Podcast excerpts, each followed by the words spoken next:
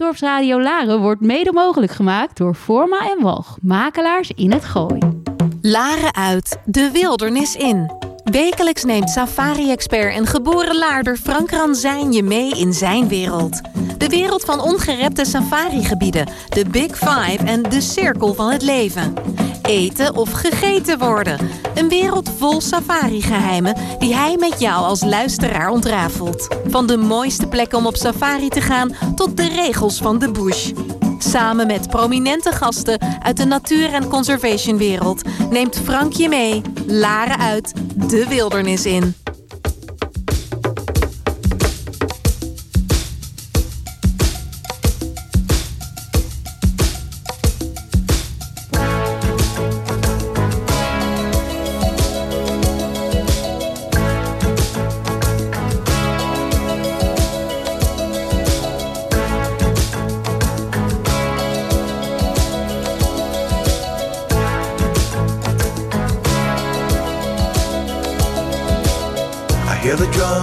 Echoing tonight, and she hears only whispers of some quiet conversation. She's coming in 12:30 flight. The moonlit wings reflect the stars that guide me towards salvation. I stopped an old man along the way hoping to find some old forgotten ancient melodies. He turned to me as if to say,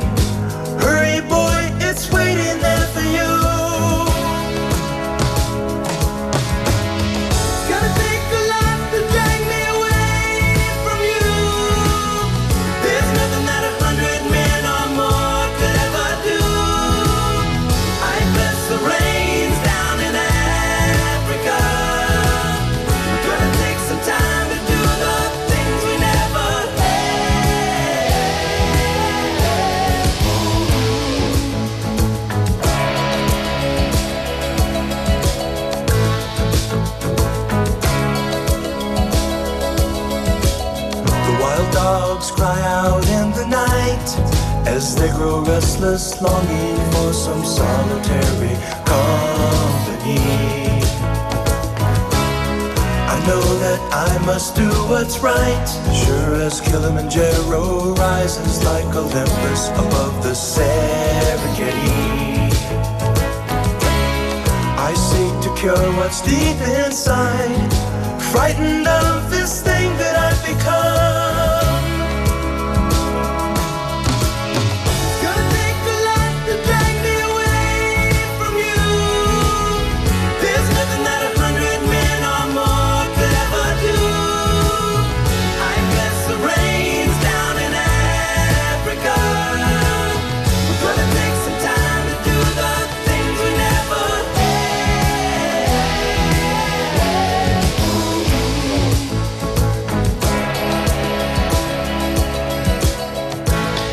Een hele goede middag allemaal bij het infotainmentprogramma Safari Geheimen hier op Dorpsradio Laren. De zender voor Laren en het Gooi en natuurlijk ver daarbuiten.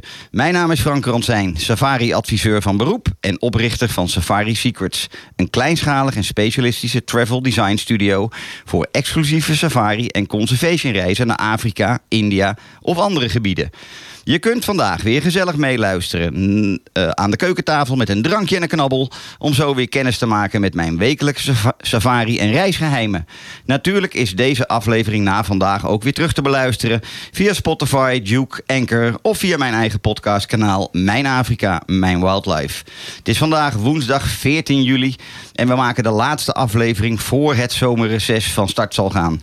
We gaan het vandaag hebben over reizen. Natuurlijk, ditmaal naar landen met boeiende culturen, maar ook over de rol van communicatie in een klantbelevingstraject en hoe de consument nu of straks na de pandemie geïnformeerd en geïnspireerd wil worden. Om straks toch ook weer gewoon te kunnen gaan reizen naar mooie natuur- en wildlife gebieden. Ik doe dit vandaag met een oude bekende van mij. De gast vandaag is Edith Doosje, co-owner van AdFuel en procescommunicatietrainer. Welkom Edith en ontzettend leuk dat je vandaag mijn gast, zou, of, eh, mijn gast wil zijn. Nou, dankjewel. Ik vind het ook heel erg leuk om hier te zijn. Nou, dat is goed. We gaan meteen van start. Mijn eerste vraag aan iedere gast, iedere week, is altijd dezelfde. En je mag het zelf zo lang of kort maken als dat je wil. Maar vertel, wie is Edith en wat houdt jou zoal bezig in het leven? Ah, nou, dat is een hele mooie brede vraag. Ik ben Edith, ik ben 45 jaar. Ik eh, woon in Amsterdam. eh, samen met mijn hondje Pien, die hier af en toe ook rond eh. Dat is hartstikke leuk. We zitten samen met jou in de, in de radio Als we er horen, dan weten de luisteraars dat ze er ook echt is. Inderdaad. Nou, Precies. Ik hoop dat ze lekker rustig blijft. En ik hou ontzettend van mensen, van communicatie, van verandering, van de dingen mooier maken in de wereld en ook van reizen. Sterker nog, ik heb mezelf al een hele tijd geleden de ambitie gesteld om 50% van de wereld te zien. Zo. Ik zit nu op de 35%. Ik heb het op aantal landen gedaan en niet op, het, eh, op vierkante kilometer. Nee, nee, want dan eh, precies. wordt het echt best wel een uitdaging. anders. Ja, ja. En, eh, en dat, dat doe ik eigenlijk al mijn hele leven. En dat vind ik gewoon ontzettend leuk. Dat wist ik. Daarom Ja. heb ik je ook uitgenodigd. Ja, hè? nou ja. En ehm, oké, dus reis, reizen is echt wel een passie van je. Ja. En communiceren met mensen is volgens mij een hele grote passie van je. Dat je Absoluut. werk natuurlijk ook. Ja. Daar gaan we het straks ook over hebben. Want dat vond ik ook juist een heel leuk kapstokje om dat eens te belichten. Hè, Het gaat 9 van de 10 keer altijd alleen maar over alle reiservaringen en alle mogelijkheden.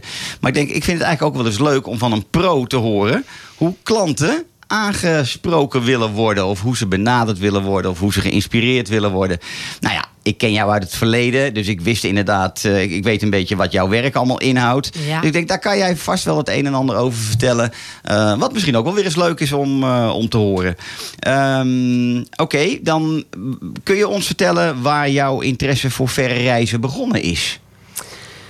Ja, ik denk dat het al mijn hele leven is dat ik geïnteresseerd ben in meer dan de dorpjes waar ik ben opgegroeid. Ik ben als kind veel verhuisd. Mijn vader zat bij de politie en eh, daardoor gingen wij als gezin ook veel eh, verhuizen. Dus in die zin zou je kunnen zeggen dat ik binnen Nederland een bereisd eh, kind eh, waar ben. ben je geboren als ik vragen mag? In Boskoop. In Boskoop, oké. ja, ja. bij Gouda in de buurt. Ja. En daarna zijn we verhuisd naar Overijssel, toen in de buurt van Utrecht. En daarna op mijn tiende naar Zeeuws-Vlaanderen. En- dat was echt een serieuze grote breuk in mijn Ja. verlangen om lekker in een, in, in een stadse omgeving te zijn. Maar eh, dus ik heb altijd al een hang gehad naar wat is er nog meer in de wereld? Of eh, mensen die een andere achtergrond hadden van joh, Ja. hoe werkt dat dan? Ja. En dat kan dus zo klein zijn als in een ander gezin zitten. Ja. Waarvan je denkt, hé, hey, hier, hier gaan de dingen heel anders. Tot in een totaal ander land, waarin de culturen, de gebruiken anders zijn. Waarin, ja, ik denk wel eens dat ik in een vorig leven in de tropen ben geboren. Want ik hou ook heel erg van het warme weer en van nieuwe dingen ontdekken. En dat is wat reizen voor mij betekent. Leuk. Ja, er is gewoon zoveel te ontdekken Ja. in deze wereld.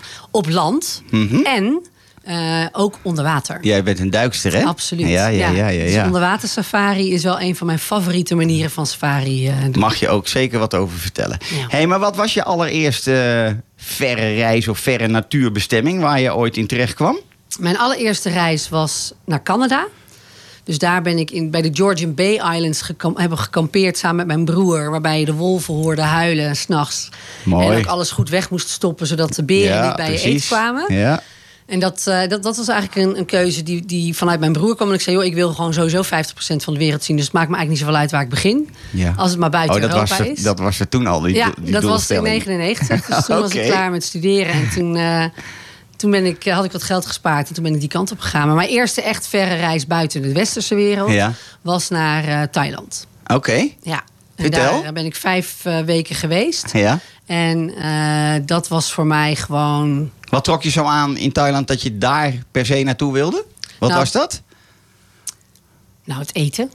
Ja, ja, die, die passie deel ja, ik ja, dan ja, ook. die passie. Die, Die heb ik ook. Ik, hou er wel heel erg van om naar, naar bestemmingen te gaan waar het eten ook echt super lekker is. Ah, leuk. En ehm, eh, ook wel de, de boeddhistische cultuur. Ja. Het mooie weer, de prachtige stranden en de variëteit.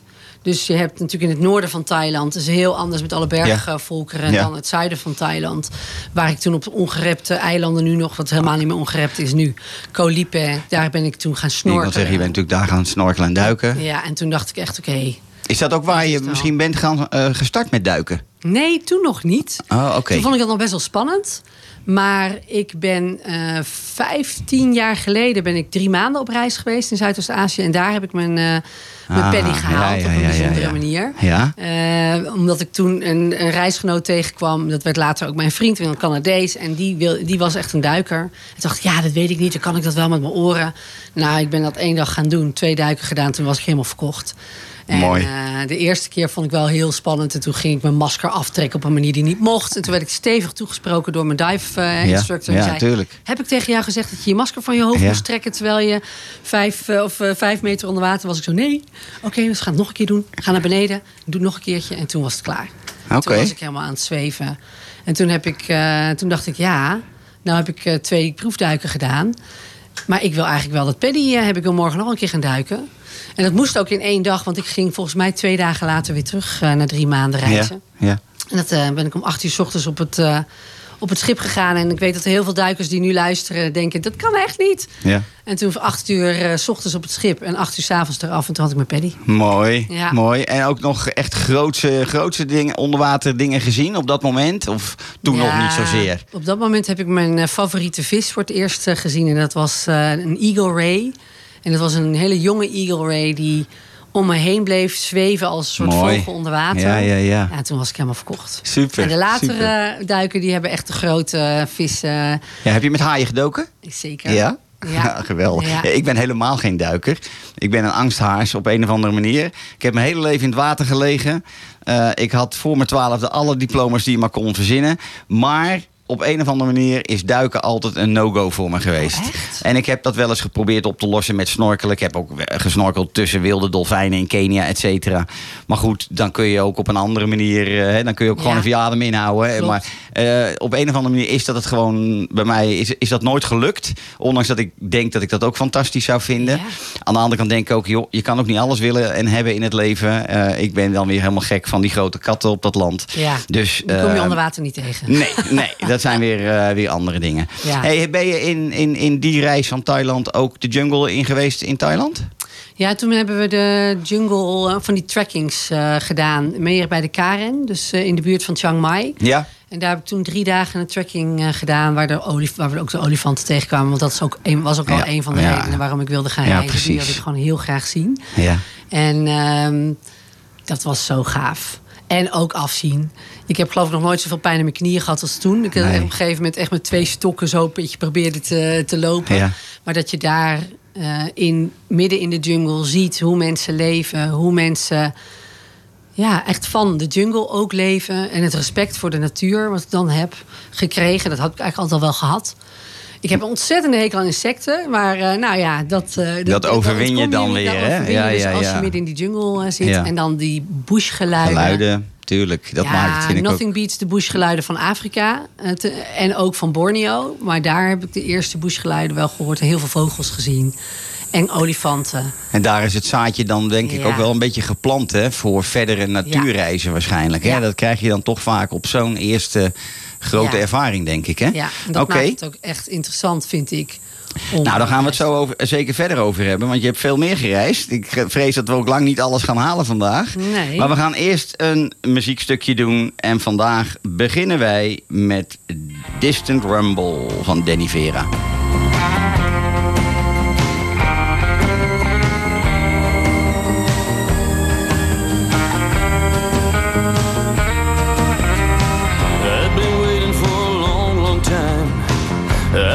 Give up, I won't back down in the darkest night.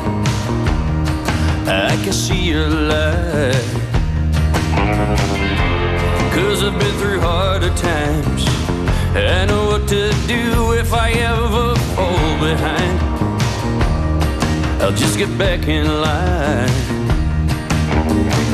Hear the distant rumble hear it go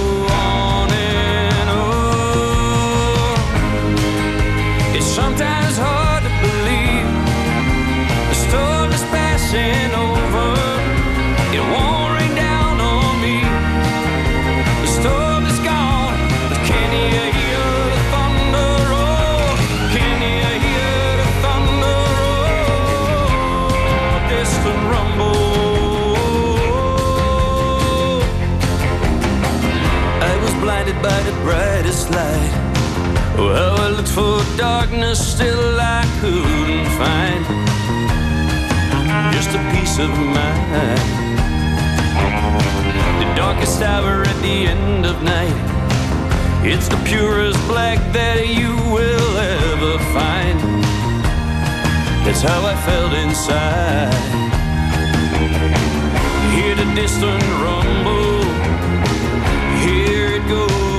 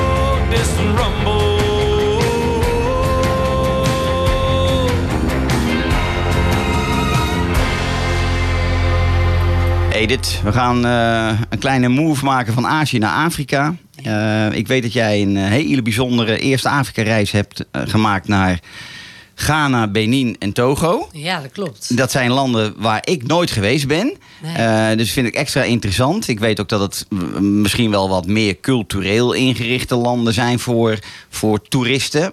Maar je vertelde net tegen mij tussendoor al dat je daar ook eh, je eerste safari hebt gemaakt. Dus daar wil ik eigenlijk wel iets over horen van je. Vertel, hoe was dat? Hoe was die? w- wanneer was dat trouwens? Oh, Weet je dat? Ik denk dat het een jaar of ehm, tien geleden is. Oh, nog niet eens zo heel lang dus. dus Nee, misschien ook wel. Ja. Ja, ik denk zoiets. Nou, tien. want het zijn niet de meest makkelijke toeristische landen eigenlijk, toch? Nee, klopt. Nee, vertel, hoe ben je daar zo terechtgekomen? Ja, dat was wel grappig, want ik wilde heel graag naar Afrika. Mhm. Want ik had eh, Azië al gezien. Het is misschien al wel langer geleden. Misschien al wel 16 jaar geleden of zo.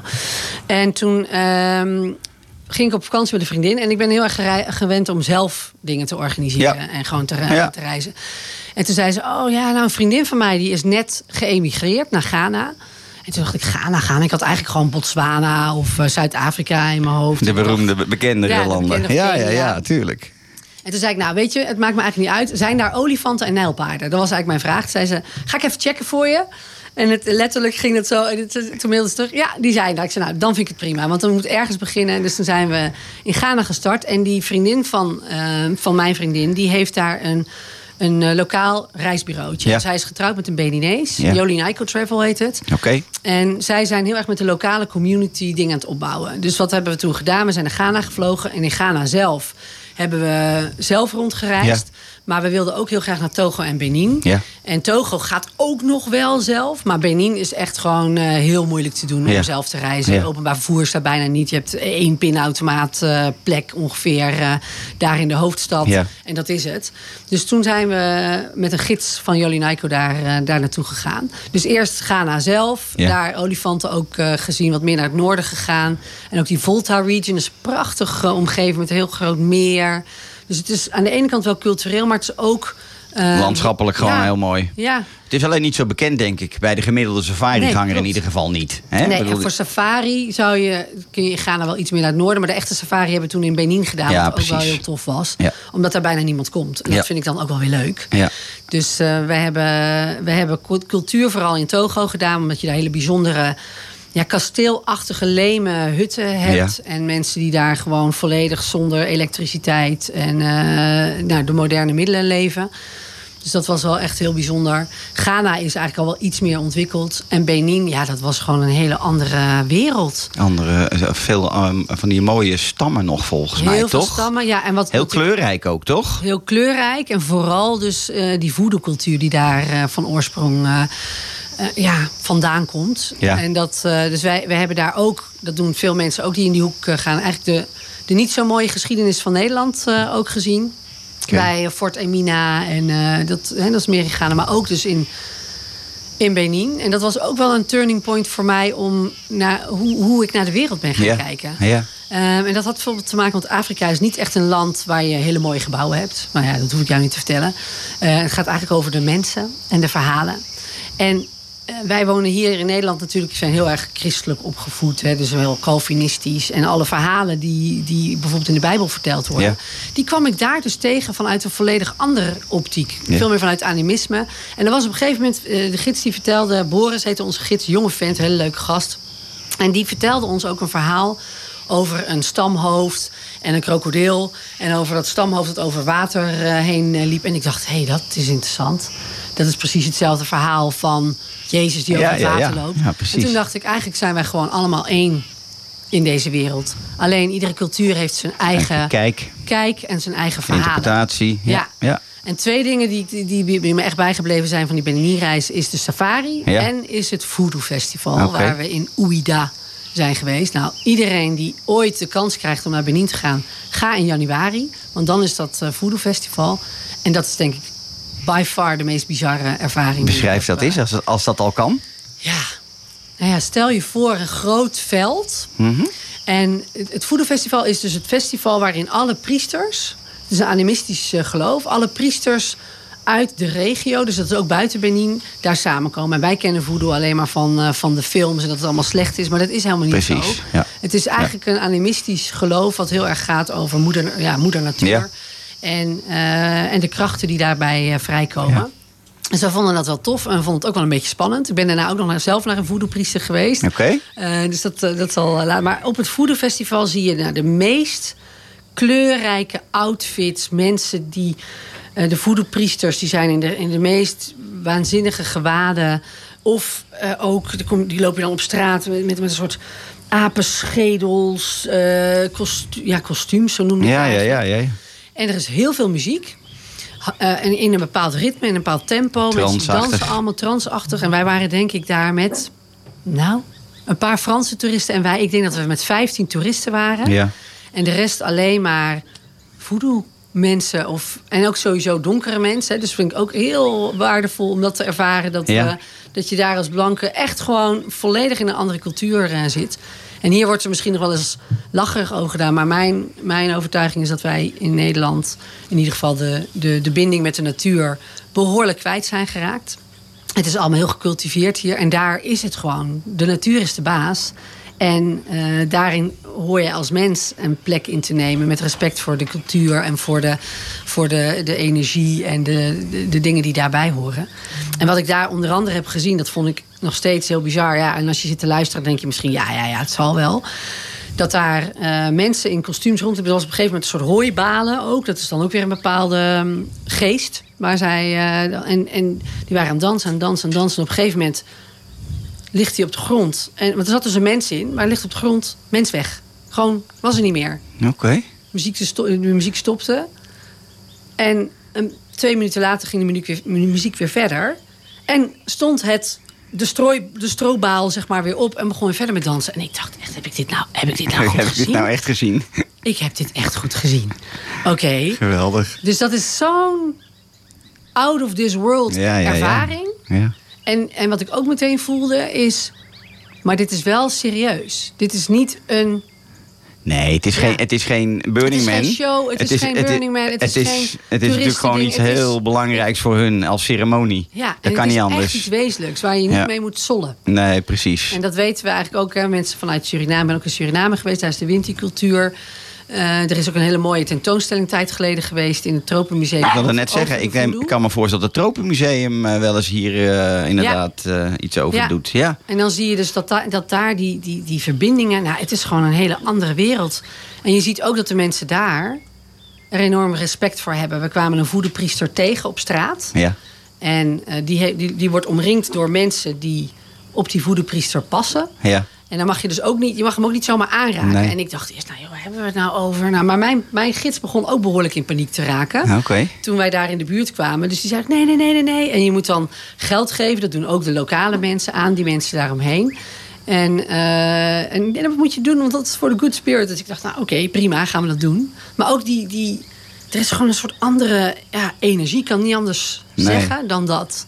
En dat is ontzettend bijzonder om Bijzonder omdat als, ehm, nou, als gast, zie je zelf als Ja. gast, hè, want je waarschijnlijk ongetwijfeld ook nog eens een van de weinige blanke mensen, denk ik, Ja, op dat moment. zeker En dan 15. is dat, ik heb inderdaad ook wel zo'n transceremonie in een heel ander land meegemaakt. Maar inderdaad, dan voel je extra bijzonder dat je dat mag meemaken eigenlijk. Ja, en ik vond het ook nederig. Ja, ja, ja, nederig. precies. Dat je het mag meemaken, inderdaad. Ja. Het is echt wel heel, eh, heel mooi.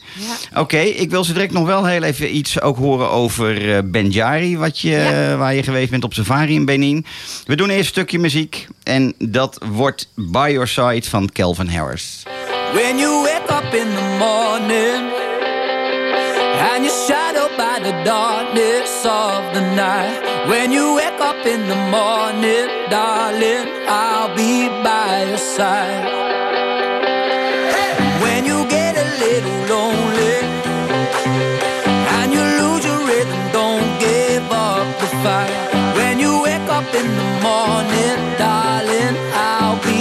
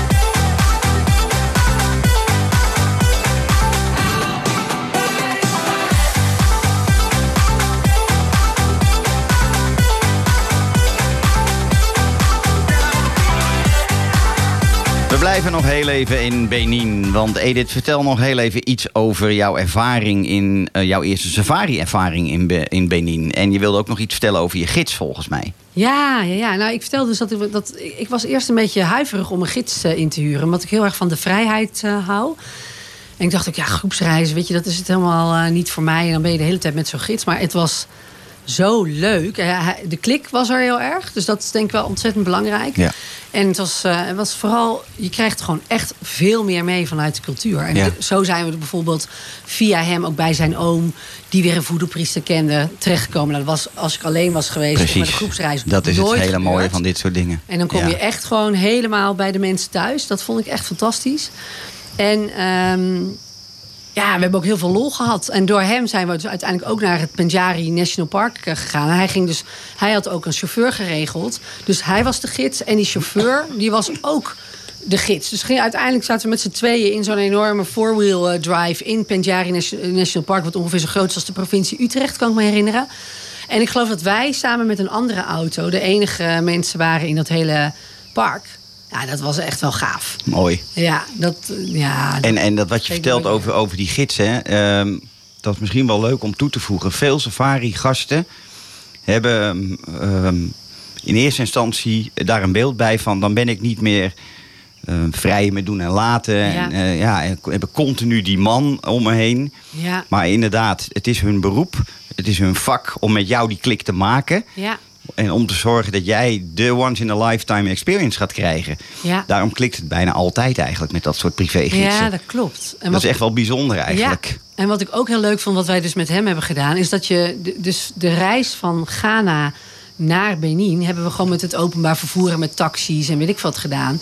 Kijk, ik had toen helemaal niet het geld om zelf een auto eh, te huren. En eh, dat, eh, dat maakte het eigenlijk nog extra bijzonder. Dat je, dat je met elkaar in Ghana had ik al in van die trotro-busjes gezeten waarvan je af en toe denkt, oh, er passen- nog meer mensen bij. Ja, er passen nog meer mensen Ja, bij. een paar kippen en een paar geiten erbij. Ja, maar in dit geval hadden we dus uiteindelijk alleen de auto gehuurd voor dat Benjari National Park. En die andere keren dus ook, weet je, hoe werkt het openbaar vervoer? Wie kom je tegen? We moesten gaan pinnen. Nou, de, we hebben, er- waren iets van twintig pinautomaten en daarvan deden er maar twee. En dat je dan ook wel weet, oké, maar wat als dit nou niet lukt? Weet je, dan is het ook heel fijn Ja. om een gids om je heen Ja. te hebben. En een nieuwe gerechten uit te proberen. Nou, noem het maar op. Dus het was echt een... eh, Echt wel een hele mooie eerste ervaring. Echt een hele mooie geweest. eerste ervaring. Eigenlijk een beetje de nood ingegeven, maar eh, ik zou het zo weer doen. Want is daar ook eh, het beroemde Afrika-virus bij jou ontstaan? In de, op die reis, in, eh, in die eerste Afrika-reis? Of, Ja. of heb je dat niet zo ervaren? Nou, ik denk al- als ik van alle continenten is Azië wel echt waar ik mijn hart heb verloren. Maar Afrika is, zit er direct achteraan. En vooral om, vanwege de, de, de, de aardsheid gewoon. En daar in, in, in Benin ook, wat ik net al zei, van het is zo anders. Daar word ik gewoon zelf heel erg uit mijn eigen comfortzone Ja, getrokken. En dat ja. vind ik gewoon gaaf. Ja. En ehm, in dat Penjari National Park was dat ook. Weet je, de eerste leeuw die ik daar heb gezien. En, eh, en Mooi. ook leren over dieren. Dat is ook, eh, die totaal anders zijn dan ik. En, eh, of dan, dan hier in Nederland. Natuurlijk zijn dieren anders dan ik. Ja. Gelukkig wel. Maar, ehm, en dat je dan leert dat nijlpaarden het meest gevaarlijk zijn. En dat je dan zo uren bij zo'n pool kan zitten. En ze gewoon kan bekijken. En, En weinig andere mensen om je heen, hoogstwaarschijnlijk. niet. Nee, precies. Dat verwachtte ik al. Maar Echt gewoon. En Ja. er zitten ook maar twee. Ja. Volgens mij toen zaten er maar twee resorts tussen aanhalingstekens. on- onbekend nog, hè? Super basic eh, was het toen. En ik denk dat het nu wel anders is. Ja. Maar eh, dat er gewoon. Nou, er zat volgens mij één ander klein groepje van zes mensen. En die hadden ook een eigen truc. Ja. En dat was het. Ja, leuk. En voor de Ja, rest, dat vind ik eh, het meest mooie. Afrika beleven. Ja. Helemaal, helemaal in je eentje. Ja. Ik, ik noem dat altijd Afrika voor jezelf hebben. Ja. Dat, dat is toch, vind ik, de ultieme, de ultieme ervaring. Ja. Oké, we switchen heel even naar een ander eh, iets waarvan ik weet dat jij, eh, waar je veel tijd in steekt. Dat is, is je community betrokkenheid in KwaZulu-Natal, Zuid-Afrika. Ja. Kun je daar iets over vertellen? Nou ja, want als je dan praat over Afrika-virus, dan is dat daar misschien nog wel veel meer ontstaan. Ja. En ehm, ik ben eh, de eerste keer dat ik naar Zuid-Afrika ging, had te maken met dat ik in, te- in aanraking was gekomen met iemand die Vrienden van Umtombo heeft opgericht in Nederland. En Umtombo is een straatjongerencentrum in Durban, Ja. KwaZulu-Natal. Ja. En eh, mijn werk is om teams en leiders met elkaar beter te laten communiceren. Een omgeving te creëren waarin iedereen kan floreren. En ik kwam eh, in aanraking met, eh, met deze dame, Henny heet ze, over Umtombo en, en, het team van Umtombo. Ja. En, en Pendulu, hij is de directeur van, eh, van het straatjongerencentrum. Met een team van toen 36 mensen volgens mij. En het liep voor geen meter, even plat gezegd. En ik kwam in aanraking. Ik was net mijn bedrijf Process Communication Nederland gestart. Dat is een model waarmee je makkelijker kunt communiceren. Mhm. En toen zei ik, nou weet je wat, misschien kunnen wij wel helpen. Lijkt me hartstikke gaaf om daar een project van te maken.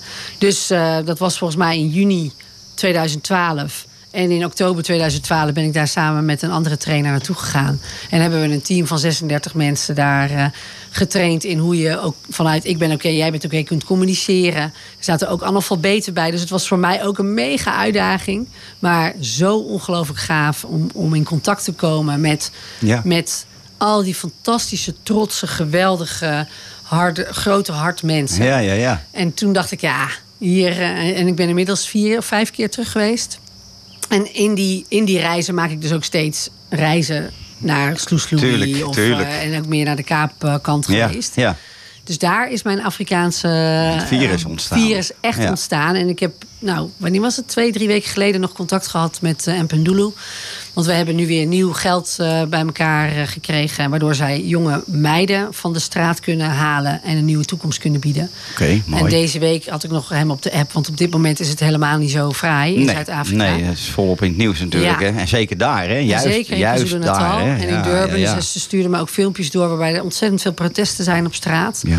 En ja, Zuid-Afrika is een geweldig en ook heel gecompliceerd land. En ook Absoluut. daarin is weer bij mij de nederigheid. Of de, hè, van, wij denken soms dat we het hier zo goed weten. Maar als je daar opgroeit in die omstandigheden.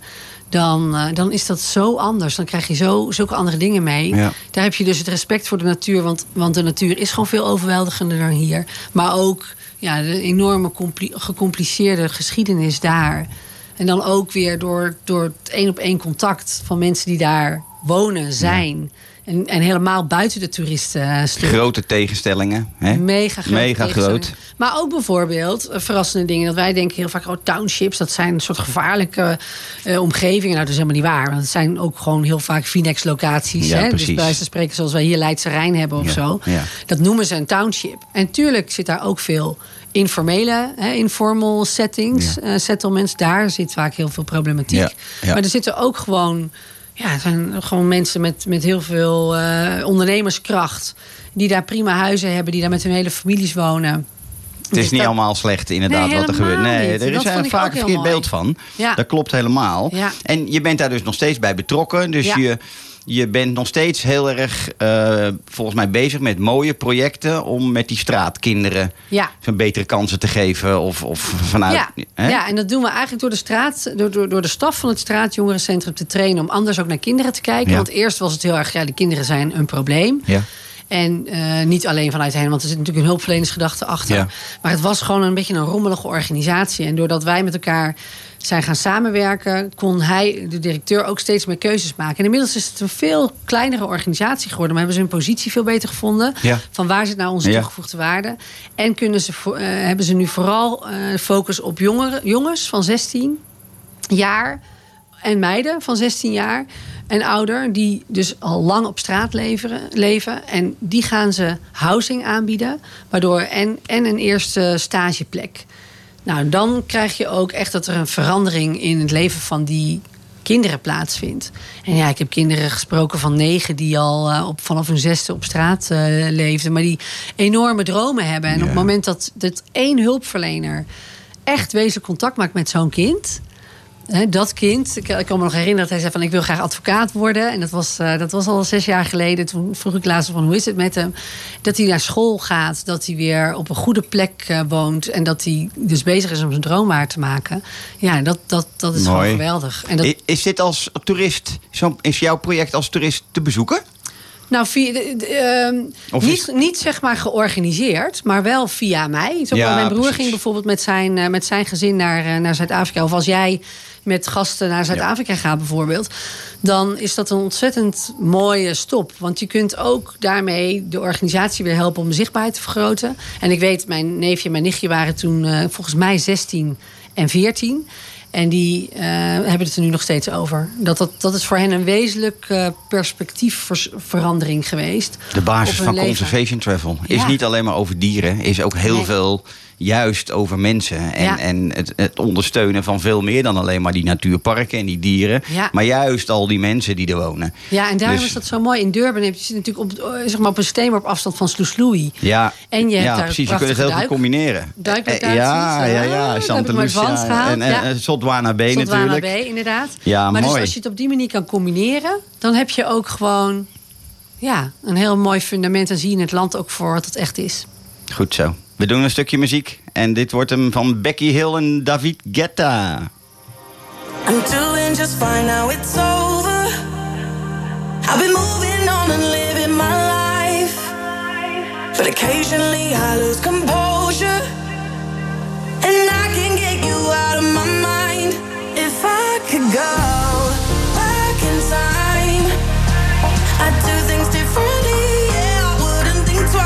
I distract myself, think of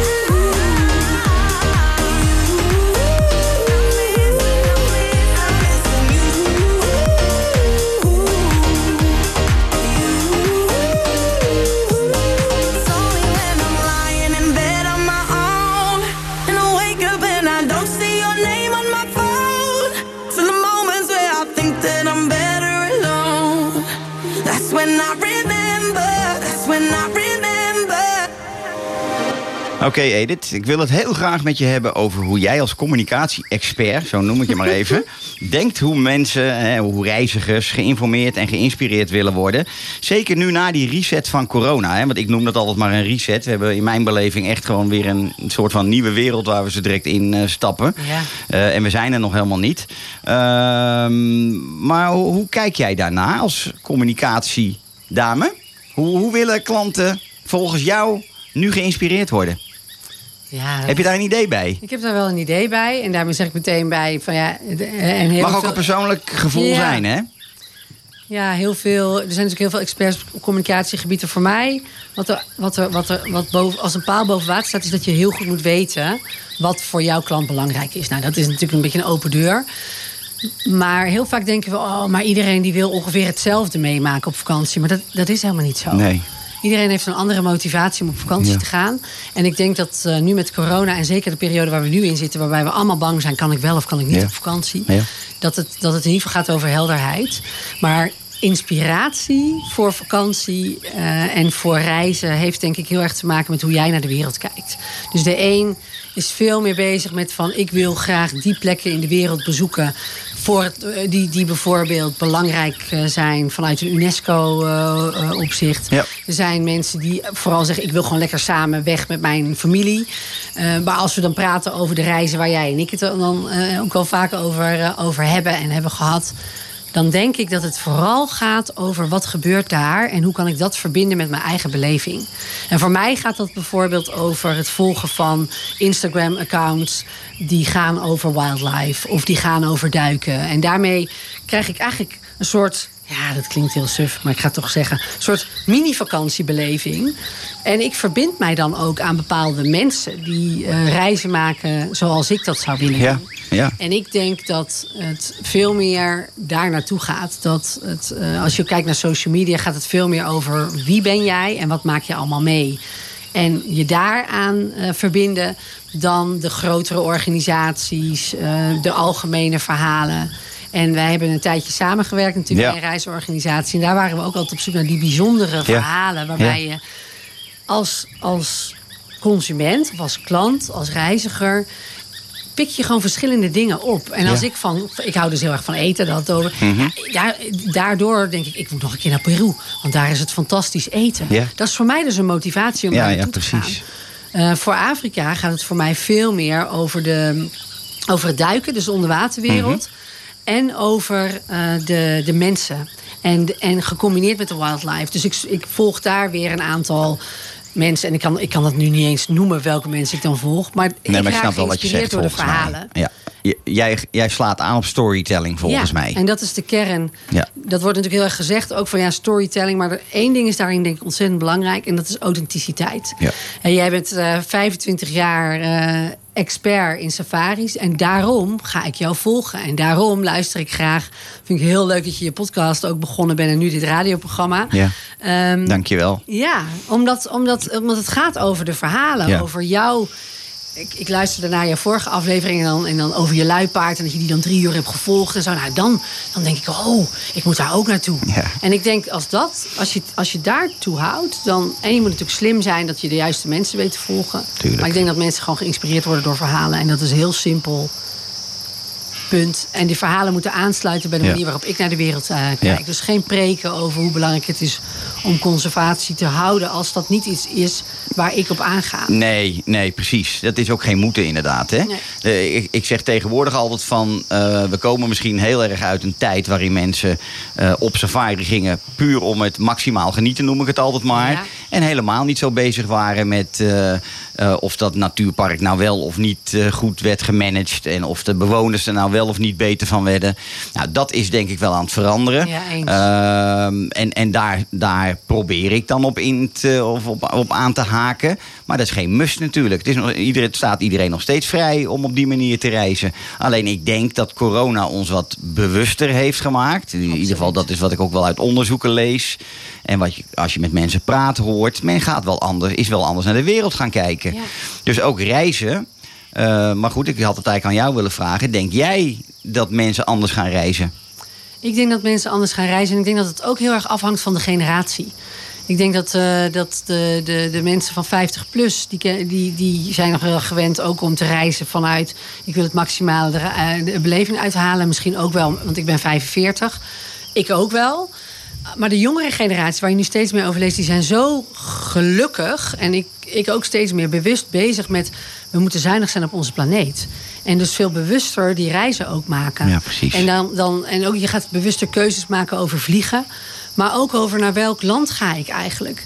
En eh, daar ook, ik ben zelf bijvoorbeeld in Myanmar geweest, Ja. eh, 15 jaar geleden. Ja. Toen zeiden mensen ook, moet je daar nou wel naartoe gaan? En ik denk dan, ja, heel bewust moet ik daar wel naartoe gaan. Omdat de mensen die daar wonen het nodig hebben om ook hun stem te laten horen. Dus ik denk dat dat bewuste reizen veel meer gaat toenemen. Ja. In ieder geval bij een bepaalde doelgroep. Ja, precies. Dus ook altijd mensen hebben die gewoon zeggen, ik wil gewoon naar het strand. Tuurlijk, het is niet voor iedereen, En- inderdaad. En, en, en, en bizar genoeg zijn er nog steeds mensen die een geweer willen richten op, eh, op, op het prachtige wildlife. Dat blijf, dat blijf ik altijd heel pijnlijk vinden. En dan Maar heel groot hoop- op Facebook zijn, inderdaad. ja, ik Ja, hoop ja, dat, ja. Dat, dat dat veel bewuster gaat worden. En ik zelf merk ook dat ik denk... oké, naar welke duiklocaties wil ik dan bijvoorbeeld? Ik zoek nu veel meer naar, naar landen waar ik en mooi kan duiken... waar er mooie natuur eh, is.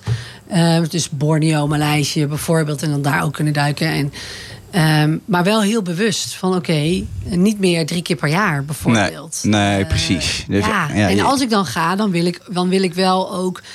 naar, erover kunnen vertellen. Dat ik ook gewoon dat je zuinig moet zijn op de natuur. En misschien wel dat je iets positiefs hebt achtergelaten. Ja. Hè, want dat hele giving back is natuurlijk ook het, is ook. het is ook wel weer zo'n mooi trendwoord.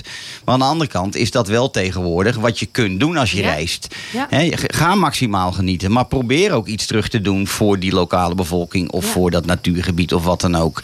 En nogmaals, het is allemaal geen moeten. Maar het kan wel. En je kan er heel veel verschil mee maken. Ja, nou, en ik maak daar wel bewuste keuzes eh, in. Eigenlijk, dat heb ik altijd, altijd al gedaan. Ook toen ik naar Suriname ging, bijvoorbeeld, je dan, eh, naar een naar lodges die echt eco-lodges zijn. Of die bijvoorbeeld iets doen voor de lokale community. Ja. Ook eh, het reisbureau waar ik het eerder over had. En daar kan je gewoon naar, naar zoeken. Ja. En eh, dan weet je gewoon, oké, ik, ik heb mijn footprint ben ik aan zeg maar doordat ik aan het reizen ben, misschien aan het vergroten. Maar ik ben de impact in de lokale omgeving Precies. ook aan het vergroten. En dus niet het geld, mijn geld aan het geven aan een of andere grote organisatie. Nee. Maar aan Nee. de lokale ondernemer. Dat doe ik hier in Nederland ook. Dus Ja. dat wil ik daar ook doen. Mooi. Ja. Heel fijn. hey, de volgende song is jouw song. Je mag hem zelf, eh, eh, je mag er iets over vertellen. Oh, ja. Waar gaan we naar luisteren? We gaan luisteren naar de Klik-song. Want eh, jij vroeg aan mij van wat is een, wat is een nummer waar jij eh, nou, herinneringen aan hebt voor Ja. het Afrika-gevoel eigenlijk. En dit is verbonden, ik krijg helemaal kippenvel van. Ja. Verbonden met, met mijn tijd, iedere periode weer bij, bij Umtombo.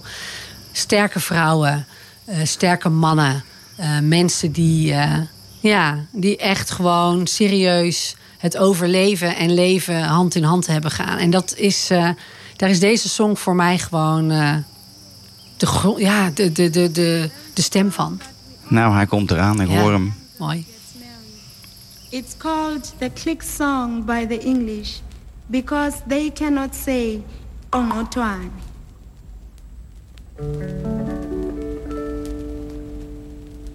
Igqirha lendlela nguqongqothwane Igqirha lendlela kuthiwa nguqongqothwane Igqirha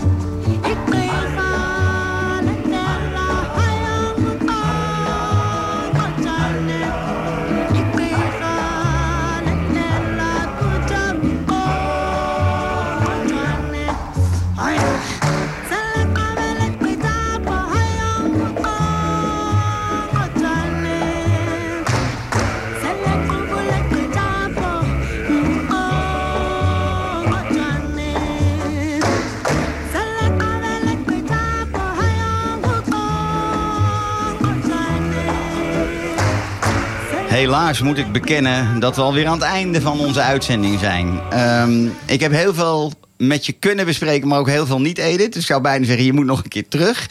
Maar ik vind het ook wel mooi. Je hebt gewoon mooie verhalen. En dan is het helemaal niet erg om eh, die vraag te stellen... van wat wordt je volgende lijst op de... of je volgende land op je bucketlist.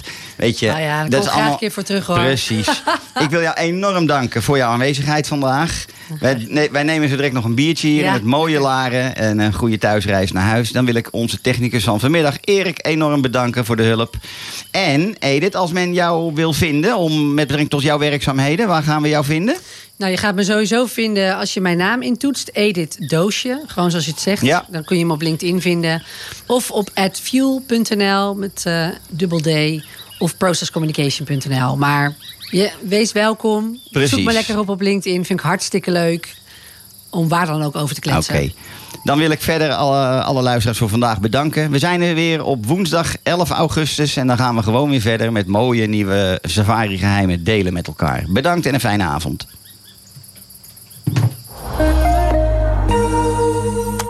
Zo, hoppakee. iPhone besteld en morgen in huis. Yes! Hey, Jeff. Klaar om te gaan? Ja, ik, ik kom eraan. Even wachten op een bevestiging in de mail. Ik heb een iPhone besteld. Oh, ik wil ook nog een nieuwe. Maar die wilde ik onderweg even oppikken in het dorp. Eh, in het dorp? Hoezo in het dorp? Gewoon, bij Good Mac. Onze lokale Apple-specialist. Ik moet mijn MacBook wegbrengen voor een nieuwe batterij. En dan koop ik meteen even een nieuwe telefoon. Eh, Dan ga ik toch niet zitten wachten tot morgen? Nou, kom je nou? Hé, hey, hey, wacht even. Ik probeer mijn bestelling te annuleren. Nou, ik zie je wel bij Good Mac op de Zomertuin 13. Tot straks. Good Mac for Locals. Zomertuin 13 in Laren. Dagelijks geopend van 11 tot half 6. Behalve op zondag. Ook voor streaming audio en hi-fi. Dorpsradio Laren, nieuws en weer. Dit is Francis Dix met het Radio Nieuws. Hoofdonderzoeker van Field Lab en hoogleraar infectiepreventie Andreas Vos